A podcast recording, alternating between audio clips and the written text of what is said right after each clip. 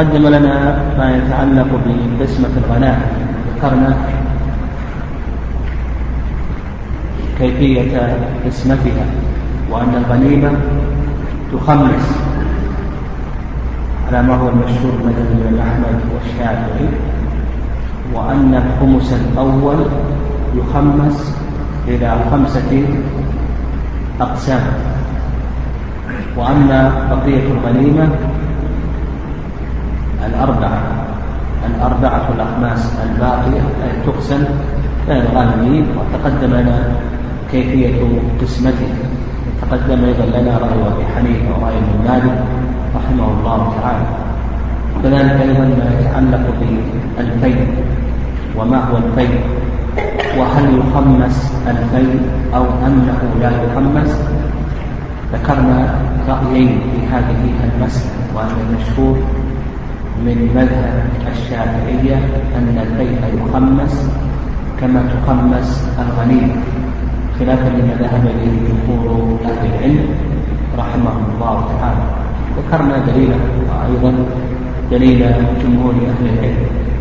ثم بعد ذلك قال المؤلف رحمه الله تعالى باب عقد الذمة وأحكامها. لما تكلم المؤلف رحمه الله تعالى على أحكام الجهاد ناسب أن يتكلم على أحكام عقد الذمة وما مناسبة ذلك؟ مناسبة ذلك أن الكفار لا يخلو أمرهم من ثلاثة أمور. بعد خروج الإمام إليهم إما أن يدخلوا في الإسلام وإما أن يقاتلوا وإما أن يدفعوا الجزية يبذلوا الجزية. وهذا هو ما يتعلق بعقد الدنيا يعني هذا هو ما يتعلق بعقد الدنيا فالكفار إما أن يقاتلوا وإما أن يدخلوا في الإسلام وإما أن يبذلوا الجزية. يعني إذا خرج إليهم الإمام بقتالهم. إما أن يقاتلوا فهذا سلف ما يتعلق بالقتال وإما أن يدخلوا في الإسلام فالأمر ظاهر وإن وإما أن يبذلوا الجزية هذا هو ما يتعلق بعقد الذمة. فناسب أن يذكر أحكام عقد الذمة بعد أحكام جهاد الذمة في اللغة تطلق على معان منها العهد والضمان والأمان. وأما في الاصطلاح فهو إقرار الكفار. وبعض العلماء يقول إقرار بعض الكفار لكن الصحيح إقرار الكفار على كفرهم بشرط بذل الجزية والتزام أحكام الملة. وهذا سيأتينا إن شاء الله. إقرار الكفار على كفرهم بشرط بذل الجزية والتزام أحكام الملة. والأصل فيها نعم الأصل فيها القرآن والسنة وإجماع العلماء رحمهم الله تعالى في الجملة. القرآن والسنة وإجماع العلماء رحمهم الله في الجملة. أما القرآن فقول الله عز وجل حتى يعطوا الجزية عن يد وهم صاغرون. وأما السنة فحديث بريدة في صحيح مسلم أن النبي صلى الله عليه وسلم كان إذا بعث سرية أمر عليها أميرا وأوصاه بتقوى الله عز وجل في خاصة نفسه وبمن معه من المسلمين وأن يدعو عدوهم إلى إحدى ثلاث خلال وأن يدعو عدوهم إلى إحدى ثلاث خلال الإسلام أو بذل الجزية أو القتال الإسلام أو بذل الجزية أو القتال. نعم. يقول المؤلف رحمه الله تعالى لا يعقد لغير المجوس. وعندنا عقد ذمة وعقد هدنة وأمان. نعم وهذه كلها سنتعرض لها إن شاء الله وسنبين شيئا من الفروق المتعلقة في, في هذه الأشياء الثلاثة. يقول المؤلف رحمه الله تعالى لا يعقد لغير المجوس وأهل الكتابين ومن تبعهم. يقول المؤلف رحمه الله أن عقد الذمة خاص خاص بأهل الكتابين والمجوس وما عداهم لا تعقد لهم الذمة. وبهذا نعرف الفرق بين الأمان وبين الهدنة وبين عقد الذمة. أن عقد الذمة على ما ذهب إليه المؤلف رحمه الله وكذلك أيضا هو قول الشافعي أن عقد الذمة خاص بمن؟ بأهل الكتاب وكذلك أيضا بأهل المجوس. ما عداهم لا تعقد لهم. وش يترتب على ذلك إذا قلنا لا تعقد لهم الذمة؟ وش يترتب على ذلك؟ ها؟ إسلام أو قتال؟ صح سن. إما إسلام أو قتال. أما ولم تدين بدينهم وكذلك أيضا المجوس فهؤلاء إسلام أو قتال أو ذمة. نعم أو ذمة. هذا المشهور من المذهب. يستدل ويستدلون على ذلك ما ذهب إليه المؤلف أن الله سبحانه وتعالى قال قاتلوا الذين لا يؤمنون بالله ولا باليوم الآخر ولا يحرمون ما حرم الله ورسوله ولا يدينون دين الحق من الذين أوتوا الكتاب حتى يعطوا الجزية عن يد وهم صاغرون. فقالوا لأن الله سبحانه وتعالى قال حتى يعطوا الجزية عن يد وهم صاغرون.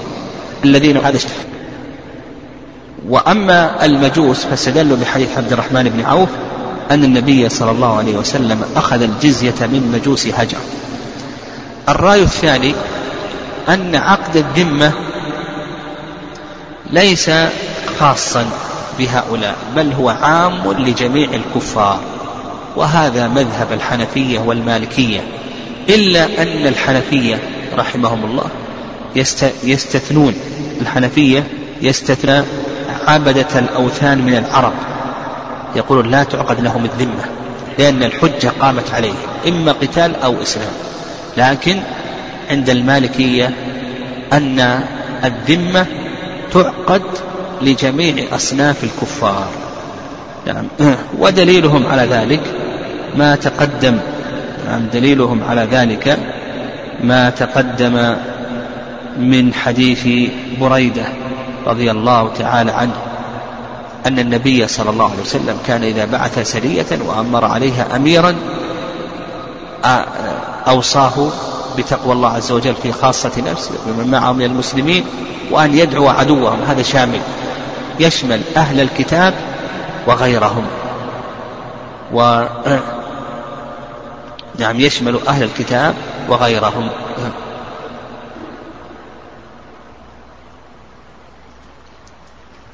وهذا القول هو اختيار شيخ الإسلام تيمية رحمه الله. وكذلك أيضا مما يدل لذلك ما سلف من حديث عبد الرحمن بن عوف رضي الله تعالى عنه فإن النبي صلى الله عليه وسلم أخذ الجزية من مجوس هجر مع أن الآية لا تشمله. وأما قول الله قول الله عز وجل يعني وأما قول الله عز وجل آه، حتى من الذين أوتوا الكتاب فنقول بأن ذكر بعض أفراد العام بحكم يوافق العام لا يقتضي التخصيص. هذه قاعدة أصولية.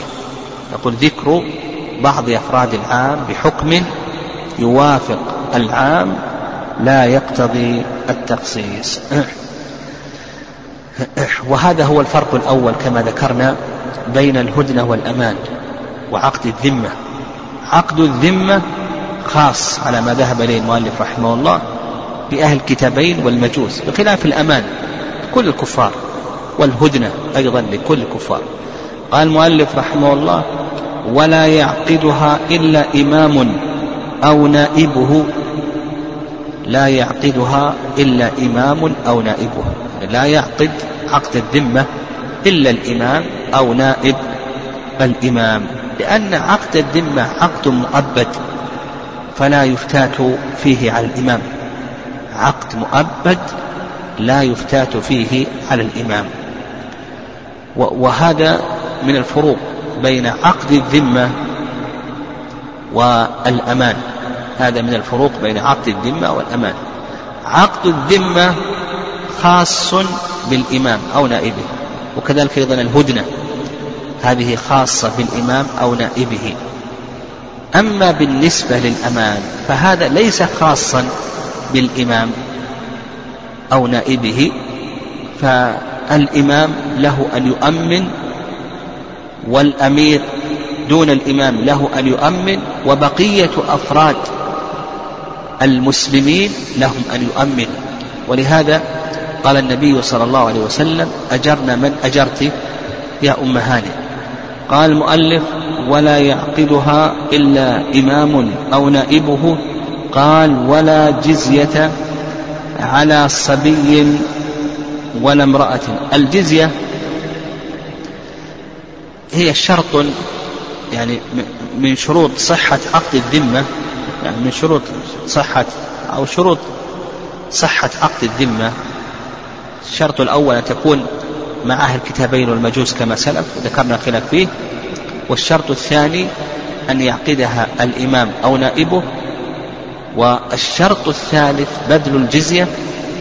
والشرط الرابع التزام أحكام الملة. هذه شروط عقد الذمة. الشرط الأول أن تكون مع أهل الكتابين والمجوس كما ذهب إليه المؤلف وذكرنا الخلاف فيه. والشرط الثاني ماذا؟ أن يعقدها الإمام أو نائبه. والشرط الثالث بذل الجزية. والشرط الرابع التزام أحكام الملة. بذل الجزية شرط من شروط صحة عقد الذمة ما هي الجزية؟ الجزية هي مال يؤخذ من أهل الذمة كل عام بدلا من إقرارهم على دينهم وعدم قتلهم. يقول الجزية مال يؤخذ من أهل الكتاب كل عام مقابل إقرارهم على دينهم وترك قتلهم. الجزية يشترط لوجوبها شروط. هي واجبة على أهل الذمة. كما تقدم أن من شروط صحة عقد الذمة أن يبذلوا الجزية. الجزية يشترط لها شروط أو من تجب عليه الجزية يشترط لذلك شروط. الشرط الأول البلوغ وعلى هذا لا تجب الجزية على غير البالغين. ويدل لهذا الاتفاق اتفاق العلماء رحمه الله اجماع العلماء على ذلك. وأنه وأن من تؤخذ منه الجزية يشترط أن يكون يشترط أن يكون بالغا. ودليل ذلك حديث معاذ رضي الله تعالى عنه قال أمرني رسول الله صلى الله عليه وسلم أن آخذ من كل حالم دينارا. أن آخذ من كل حالم دينارا. رواه الترمذي وأبو داود حسنه النسائي وصححه الحاكم. الشرط الثاني قال ولا امرأة. هذا الشرط الثاني. الذكورة. نعم الشرط الثاني أن يكون ذكرا. وعلى هذا فالمرأة لا تجب عليها الجزية نعم المرأة يقول بأن المرأة لا تجب عليها الجزية. وهذا أيضا بالإجماع لأن المرأة ليست من أهل القتال. نعم المرأة ليست من أهل القتال ولا من أهل النصرة. الشرط الثالث العقل وعلى هذا المجنون لا تجب عليه الجزية. يعني المجنون لا تجب عليه الجزية. ودليل ذلك ما سلف ما سلف أن المجنون ليس من أهل القتال. نعم ليس من أهل القتال. الشرط الرابع الحرية وعلى هذا الرقيق لا تجب على الجزية أيضا بالإجماع كما ذكر ابن المنذر رحمه الله أن الرقيق لا تجب عليه الجزية. ولأن الرقيق لا يملك نعم الرقيق لا يملك. يعني لا بد من القدرة وهو غير قادر. الشرط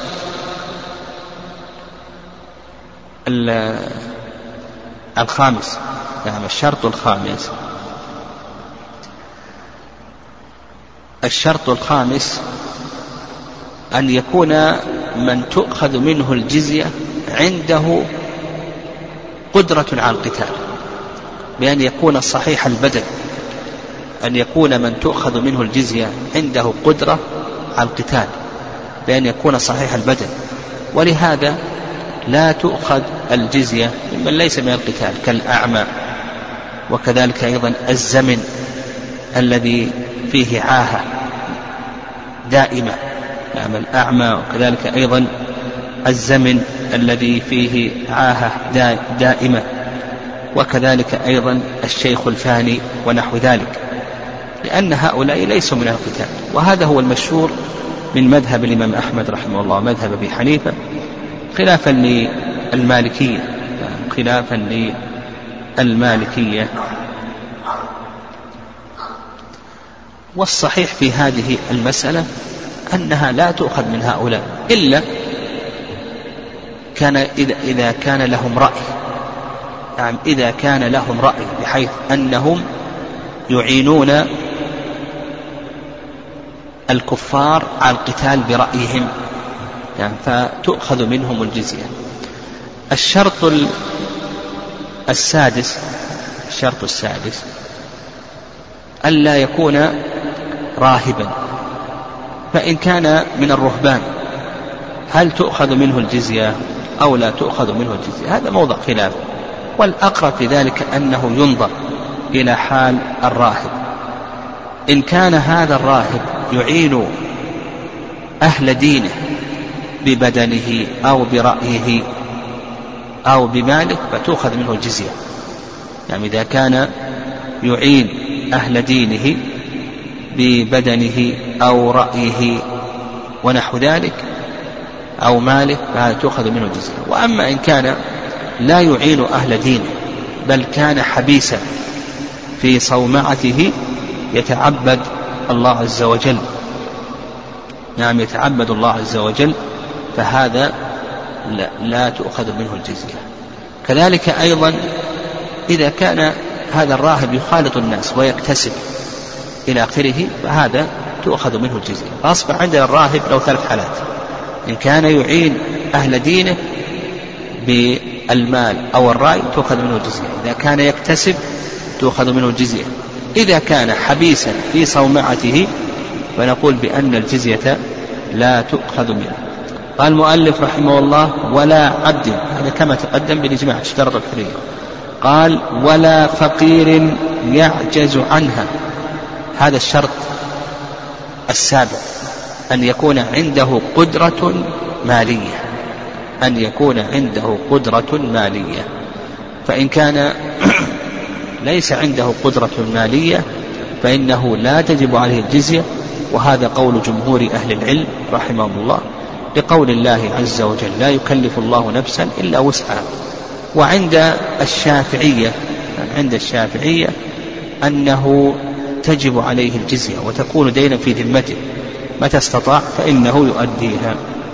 والصواب في هذه المسألة يعني الصواب في هذه المسألة أنه لا تجب عليه الجزية كما هو قول جمهور قال ومن صار أهلا لها أخذت منه في آخر الحول. هذا ما عليه أكثر أهل العلم أنها تؤخذ في أكثر أنها تجب نعم تجب في آخر الحول. وش يترتب على ذلك؟ يترتب على ذلك أنه إذا أسلم ها؟ فإنها تسقط عنه. إذا أسلم فإنها تسقط عنه. والرأي الثاني رأي الحنفية أنها تجب في أول الحول وعلى هذا يطالب بها في أول الحول. يعني يطالب بها في أول الحول. وهذا كما ذكرنا هو رأي الحنفية رحمهم الله تعالى لكن رأي الجمهور أنها تجب في آخر الحول. وهذا القول هو الأقرب كالزكاة. يعني كالزكاة إذا حال الحول وجبت.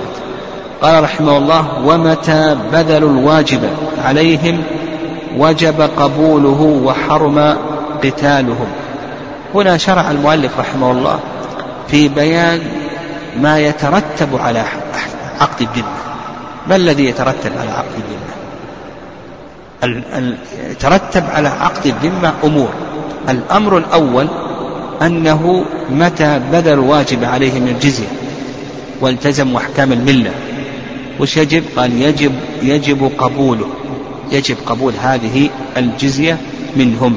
لأن الله سبحانه وتعالى قال حتى يعطوا الجزية.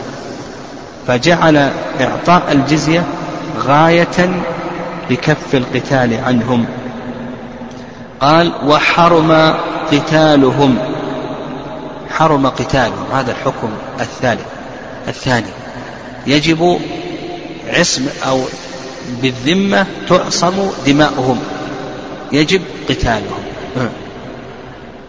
الحكم الثالث أيضا تعصم أموالهم. يحرم أن تؤخذ أموالهم الحكم الرابع يعني الحكم الرابع يجب الدفاع عنهم من قصدهم بأذى فإنه يجب أن ندافع عنهم. بل ذكر ابن حزم رحمه الله أن ندافع عنهم حتى ولو حصل حتى ولو حصل الموت صونا لذمة الله. وذمة رسوله صلى الله عليه وسلم.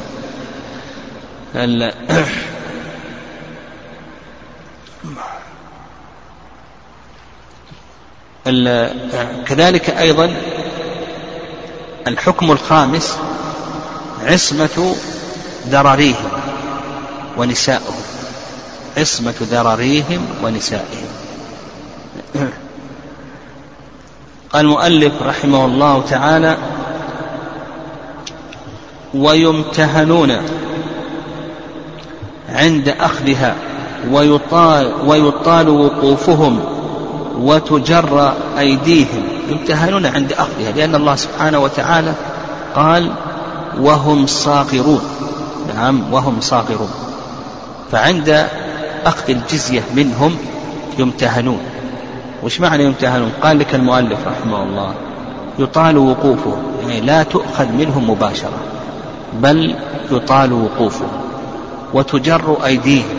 ما معنى تجر أيديهم؟ بمعنى أن المسلم لا لا يمد يده لا لا يمد يده لكي يأخذ الجزية وإنما هو الذي يمد يده لكي يعطي الجزية. ودل ذلك ما سلف. قول الله عز وجل وهم صاغرون حتى يعطوا الجزية عن يد وهم صاغرون. وأيضا قالوا قال العلماء رحمه الله لا يقبل أن يرسله بل لا بد أن يأتي به بها بنفسه ولا يقبل منه أن يرسلها. وقال الشافعي رحمه الله بأن الصغار هو أن يلتزم حكم الإسلام. فإذا التزم حكم الإسلام فإن هذا هو الصغار. وقال بعض العلماء بأن قوله تعالى عن يد يعني عن ذل واعتراف عن ذل واعتراف للمسلمين بأن أيديهم فوق أيديهم. نعم.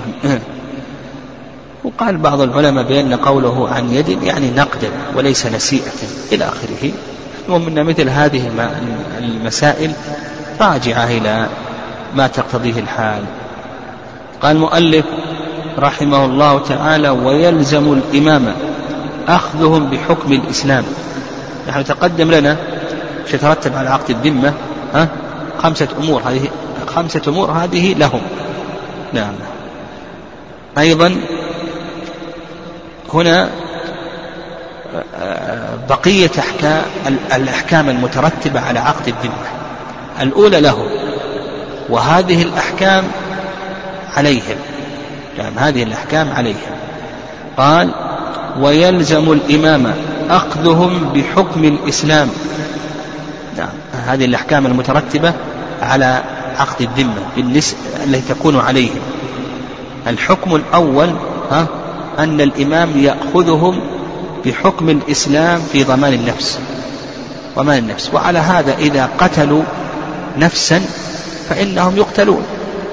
يعني إذا قتلوا نفسا فإنهم يقتلون. ويدل ذلك حيث أنس في قصة الجارية التي قتلها يهودي فأخذه النبي صلى الله عليه وسلم ورض رأسه بين حجرين كما أنه رض رأس هذه الجارية بين حجرين. والنفس سواء كان النفس أو ما دون النفس. يعني في النفس أو ما دون النفس. إذا قتلوا نفسا فإنهم يقتلون أو قطعوا طرفا فإنه يقطع منهم هذا الطرف. والمال نعم المال. أيضا يلزم الإمام هذا الحكم الثاني أن يأخذهم بحكم الإسلام في المال. فإذا أتلفوا مالا فإنهم يضمنون هذا المال. قال والعرض هذا الحكم الثالث أيضا إذا قذفوا شخصا فإنه فإنهم يجلدون أو سبوا شخصا فإنهم يعزرون. المهم يقام عليهم ما يقام على المسلم. قال وإقامة الحدود عليهم فيما يعتقدون تحريمه. هذا الحكم الرابع. إقامة الحدود عليهم فيما يعتقدون تحريمه مثل الزنا. ولهذا رجم النبي صلى الله عليه وسلم اليهوديين والسرقة. يعني لأنهم يعتقدون تحريم السرقة. يعني يعتقدون تحريم السرقة والقذف كما تقدم لنا. نعم وحد الحرابة. حد الحرابة سيأتينا إن شاء الله. يأتي إن شاء الله. بذلك ما ينقض عهده. المؤمن يقام عليه كما يقام على المسلم دون ما يعتقدون حلة كالخمر. الخمر يعتقدون حلة وإنه ليس حلالا في شرائعهم. يعني الخمر محرم حتى في شرائعهم لكنهم يستحلونه. يعني فإذا شربوا الخمر فإنه لا يقام عليهم ما يقام على المسلم من الجلد قال رحمه الله ويلزمهم التميز ويلزمهم التميز عن المسلمين. نعم. هذا ال ال الحكم الخامس. نعم. الحكم الخامس يجب عليهم أن يتميزوا عن المسلمين في الحياة وفي الممات. في الممات تكون قبورهم تكون قبورهم غير قبور المسلمين. و وأما في الحياة فإنه لا بد لهم أن يتميزوا بما يميزهم بما يميزهم عن المسلمين في اللباس أو نحو ذلك. هذا راجع إلى ما تقتضيه الحال في الزمان والمكان وهذا بالاتفاق. نعم هذا بالاتفاق. يعني ابن حزم رحمه الله نقل الاتفاق على ذلك. وأنه يجب عليهم أن يتميزوا عن المسلمين وألا يتشبهوا بالمسلمين. يعني يجب عليهم في الحياة وفي الممات. قلنا في الحياة ها؟ في, في الم... ما يميزهم في الحياة ما يميزهم بلباس أو نحو ذلك.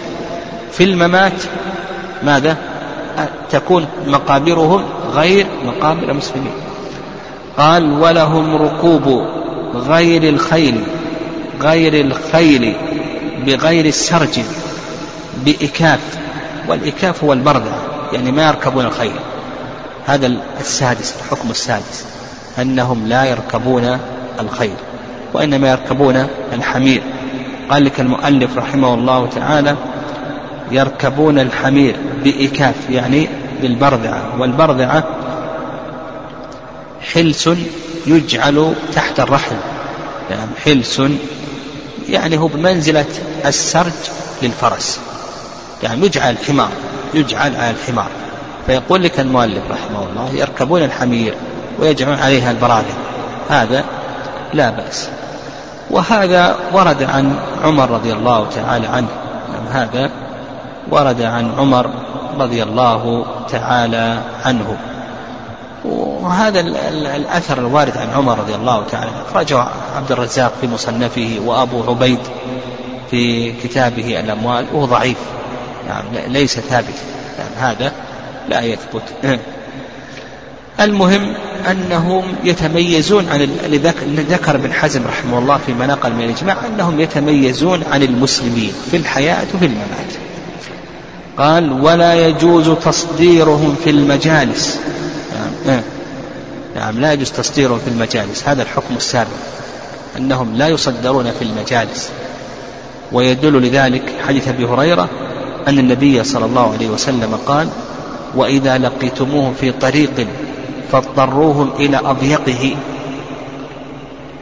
إذا لقيتموه في طريق فاضطروهم في أضيقه. بمعنى أنك إذا لقيته في الطريق لا تفسح له في الطريق.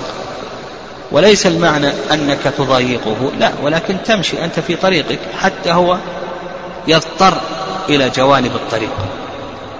فإذا كان كذلك أنه ما يصدر في الطريق فكذلك أيضا لا يصدر في المجلس لأن المس المجلس أعظم. ولا يجوز تصديرهم في المجالس ولا القيام له. يعني القيام إذا دخل القيام له. أيضا لا تقوم له.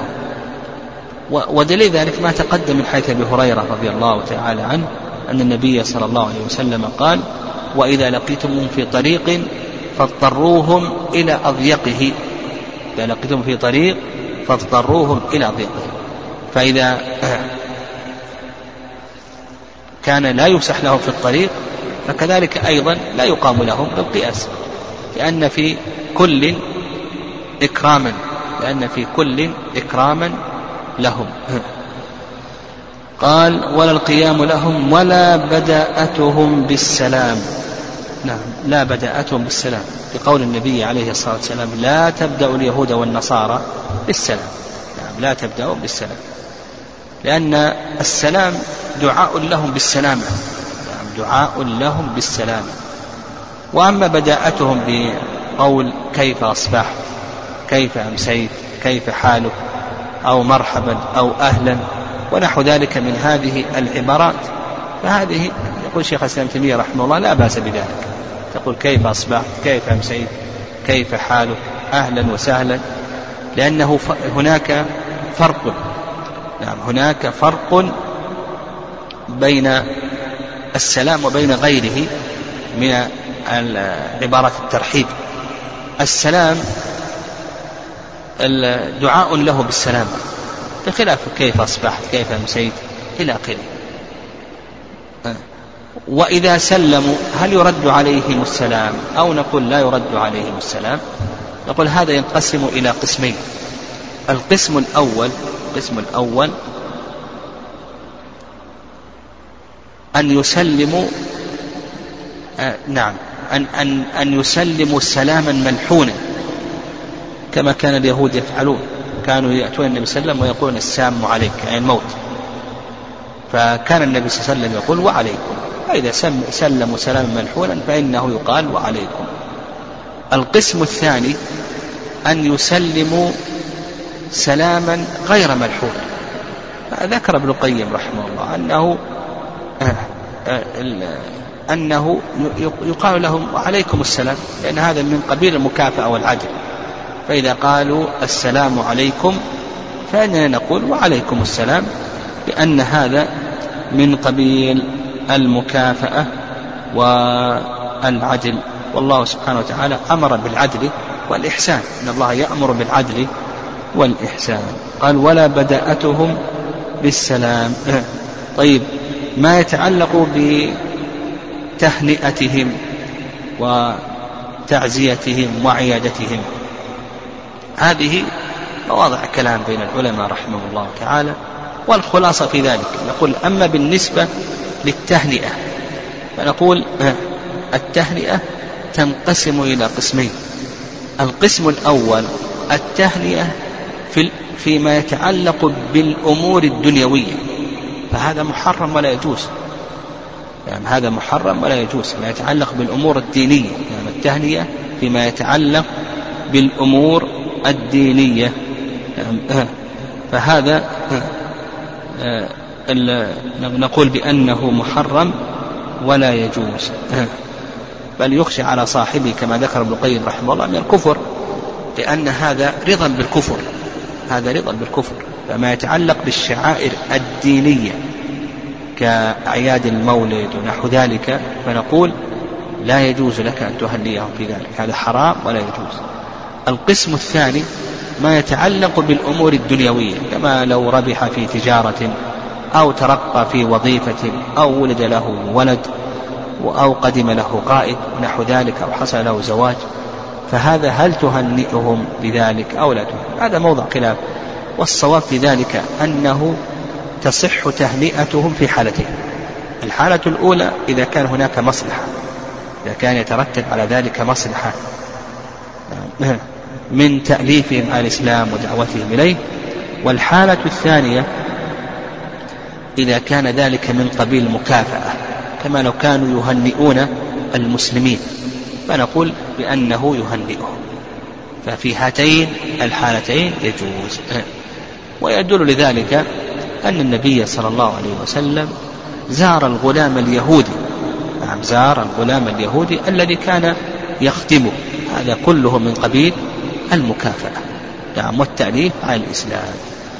أيضا ما يتعلق بتعزيتهم وعيادة مريضهم هل هل يعاد مريضهم أو لا يعاد؟ كما تقدم.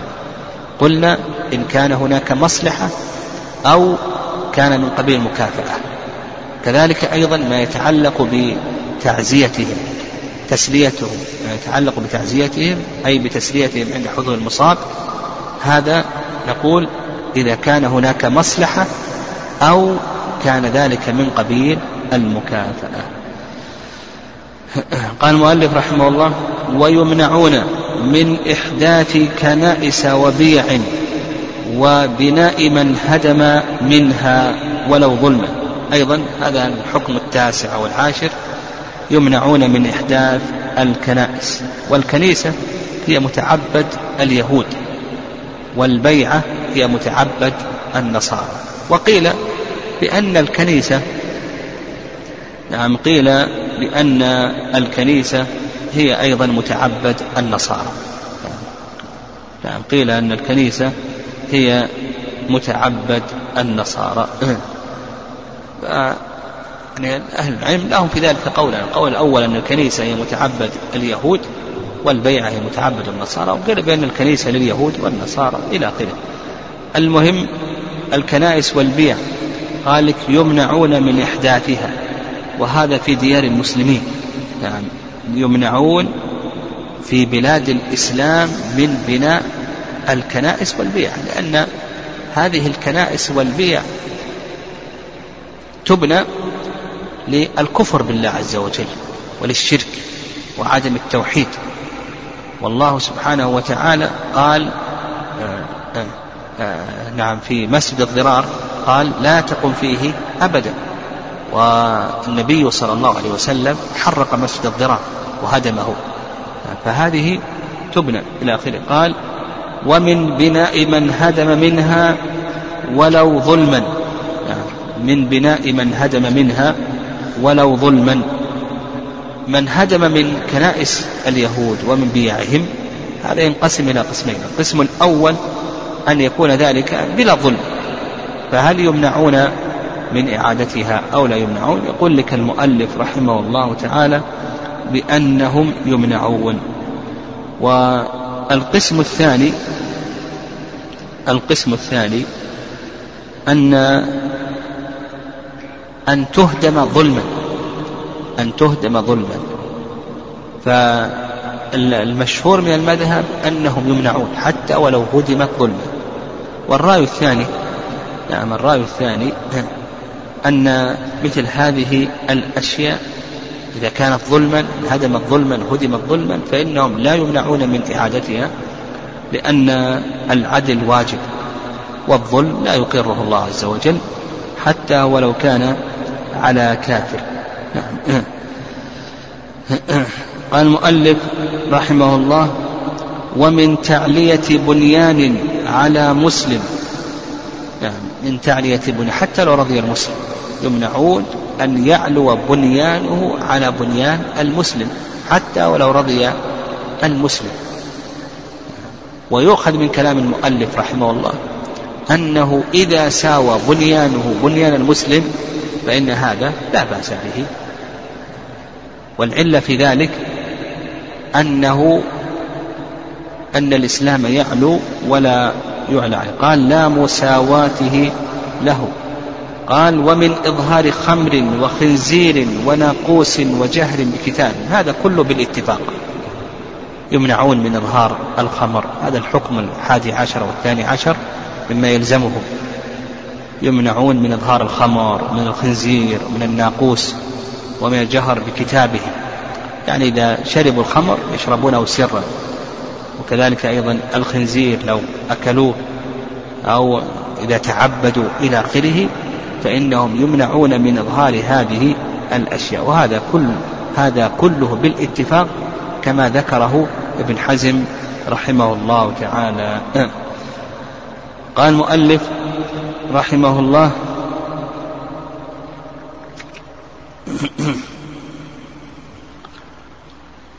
نعم.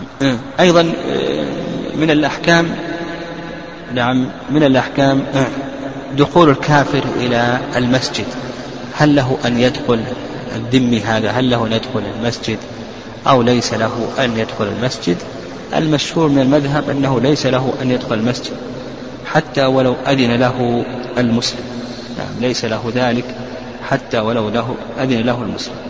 والرأي الثاني رأي أبي حنيفة والشافعي أن له أن يدخل. والصواب في ذلك أن له أن يدخل عند المصلحة. يعني إذا كان هناك مصلحة فله أن يدخل. كذلك أيضا من الأحكام إذا اتجروا إلينا. يعني إذا اتجروا إلينا. فيقولون يؤخذ نصف العشر من تجارة الذمي نعم يؤخذ نصف العشر من تجارة الذمي إذا اتجر إلينا. قال المؤلف رحمه الله وإن تهود نصراني أو عكسه لم يقر ولم يقبل منه إلا الإسلام. نعم.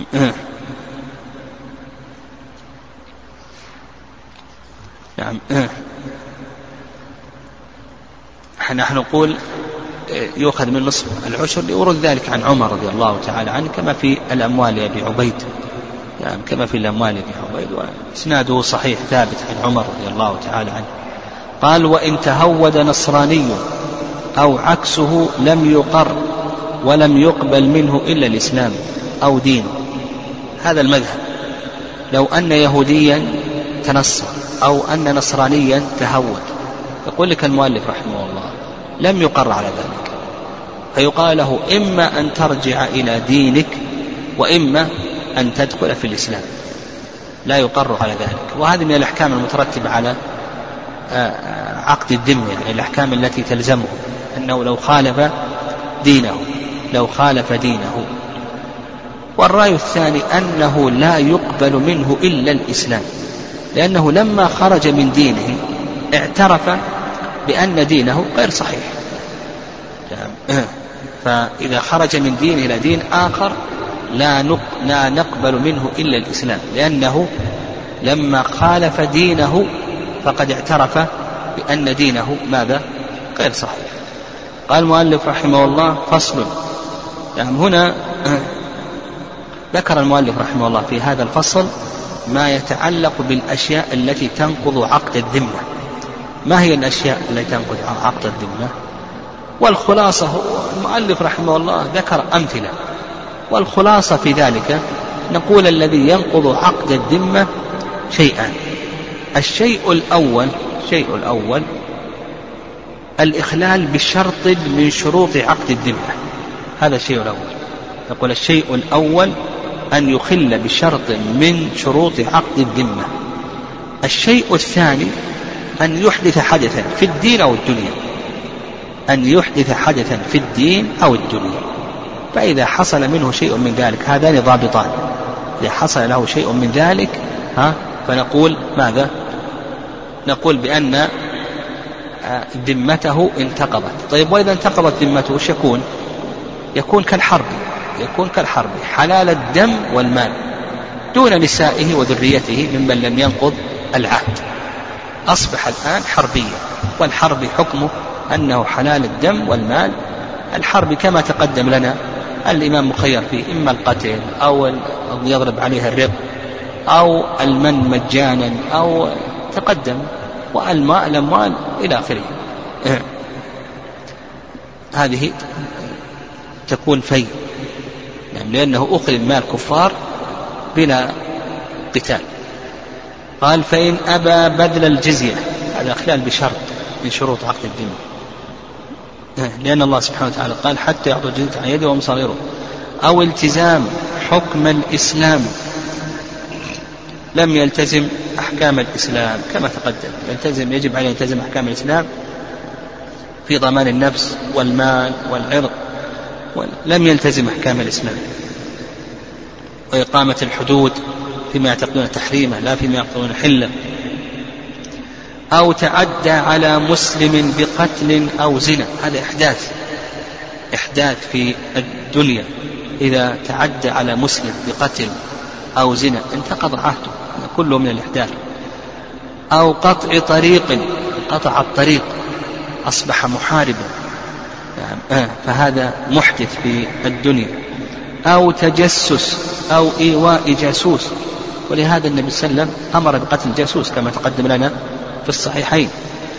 أو ذكر الله أو رسوله أو كتابه بسوء يعني سب الله أو سب رسوله صلى الله عليه وسلم أو سب القرآن فإنه ينتقض عهده. وهذا إحداث في الدين دون نسائه وأولاده وحل دمه وماله. أما بالنسبة لنسائه كذلك أيضا بالنسبة لأولاده فإن عهدهم لا ينتقض آه. طيب آه. آه. بقينا في الهدنة. منتهى الباب ولله الحمد. بقينا في الهدنة. عندنا هدنة وعندنا أمان. هذا عقد الذمة. ما يتعلق هذه الأحكام فيما يتعلق بعقد الذمة. والهدنة الهدنة في اللغة السكون. يعني الهدنة في اللغة السكون. وأما في الاصطلاح وأما في الاصطلاح فهي معاقدة الإمام الكفار على ترك القتال مدة معلومة ولو طالت. معاقدة الإمام الكفار على ترك القتال مدة معلومة ولو طالت. والأمان في اللغة الطمأنينة. وأما في الاصطلاح وأما في الاصطلاح فالأمان هو يعني الأمان هو رفع استباحة رفع استباحة دم الحرب أو ماله. رفع استباحة دم الحرب أو ماله. الهدنة ما دليل الهدنة؟ دليلها أن النبي صلى الله عليه وسلم صالح قريشا. على ترك القتال. نعم صالح قريشا على ترك القتال. الأمان ما دليله؟ قول الله عز وجل وإن أحد من المشركين استجارك فأجره حتى يسمع كلام الله ثم أبلغه مأمنة. وفي الاصطلاح ومن السنة قول النبي صلى الله عليه وسلم أجرنا من أجرت يا أم هاني. طيب ما الفرق بين الأمان وبين الهدنة؟ الهدنة تكون من الإمام. الهدنة تكون من الإمام. وأما بالنسبة للأمان فإن الأمان يكون من جميع المسلمين. أنت لك أن تؤمن لك أن تؤمن أي كافر. لك أن تؤمن أي كافر. وأما بالنسبة للهدنة فإنها تكون من الإمام. الفرق الثاني أن الهدنة تكون مع جميع الكفار. أما الأمان فإنه يكون مع أفراد الكفار أو طائفة منهم. الأمان يكون مع أفراد الكفار أو طائفة منهم. أما الهدنة فإنها تكون مع ماذا؟ مع جميع الكفار. الفرق الثالث أن الأمان العلماء يقولون بأن الأمان آه، آه، مقيد بعشر سنوات فأقل أما الهدنة فلو طالت المدة بشرط ماذا؟ ها؟ الهدنة يقول حتى ولو طالت بشرط أن تكون مدة معلومة ترك القتال مدة معلومة والأمان يشترط له شروط. يعني المؤمن يشترط أن يكون بالغا عاقلا سواء كان ذكرا أو أنثى. هل تشترط الحرية؟ موضع خلاف والصحيح أنها لا تشترط. اشترط البلوغ والعقل وعدم الضرر للمسلمين البلوغ والعقل وعدم الضرر على المسلمين. الهدنة هل تكون الهدنة هل تكون عقدا مؤبدا؟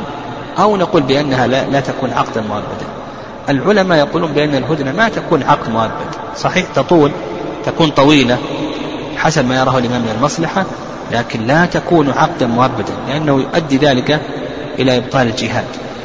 بخلاف عقد الذمة عقد الذمة يكون عقدا مؤبدا. يعني لأن عقد الذمة يكون مع طوائف من أهل الكتاب أو من أو من الكفار. أو من الكفار. وسبق أن ذكرنا أيضا فروقا بين عقد الذمة والأمان والهدنة. بقينا في مسألة أخيرة. يعني بقينا في مسألة أخيرة وهي عهد العهد مع الكفار. لا يخلو من ثلاث حالات. العهد مع الكفار لا يخلو من ثلاث حالات. الحالة الأولى أن يستقيموا في عهدهم. الحالة الأولى أن يستقيموا في عهدهم. فهذا يجب علينا أن نستقيم. كما قال الله عز وجل فما استقاموا لكم فاستقيموا لهم. الحالة الثانية أن ينكثوا وأن ينقضوا العهد. فهنا للإمام أن ينقض. يعني الإمام ينقض عهده معهم. ويدل لذلك قول الله عز وجل وإن نكثوا أيمانهم. وطعنوا في دينكم. فقاتلوا أئمة الكفر إنهم لا أيمان لهم. الحالة الثالثة ألا تظهر ألا تظهر ألا يظهر منهم نقض العهد. لكن يخشى أن ينقض العهد. يعني قامت الأمارات. فهنا ينبذ إليهم عهدهم إلى مدتهم. يعني إذا خشي الخيانة منهم يخبرهم أنه لا عهد بينه وبينهم. وإما تخافن من قوم خيانة فانبذ إليهم على سواء. يعني فانبذ إليهم على سواء. هذا نكون انتهينا. الحمد لله من العبادات. إن شاء الله غدا نشرع إن شاء الله في المعاملات.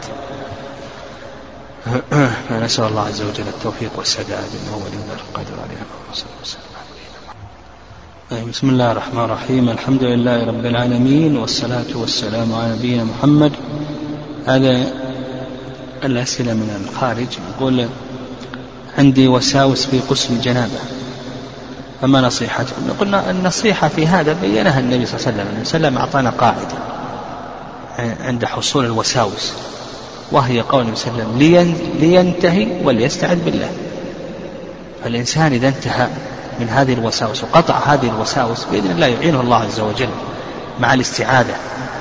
ينتهي ويستعذ بالله.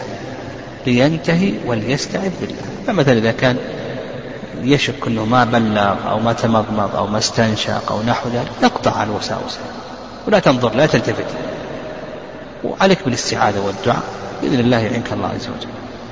يقول جاءتني فرصة للعمل بهذا البلد مدينة الرياض وأنا حريص على طلب العلم الشرعي. فما نصيحتكم لي لاغتنام هذه الفرصة؟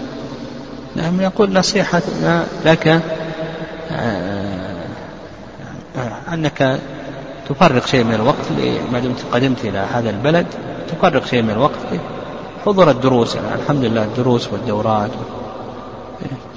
موجودة لكن الإنسان عليه أن يرتب وقته ويخلص النية وبيعينها الله عز وجل.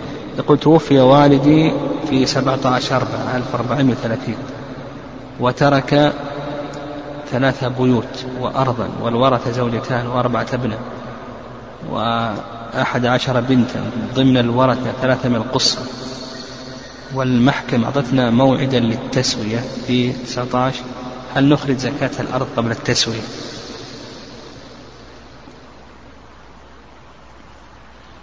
لا الأرض اللي يظهر والله أعلم أن الأرض هذه ما فيها زكاة الآن. اللي يظهر والله أعلم أن هذه الأرض ليس فيها زكاة. لكن إذا اقتسمت الأرض يعني إذا اقتسمت هذه الأرض ونوى الإنسان أن يبيع إذا حل عليه الحول يزكى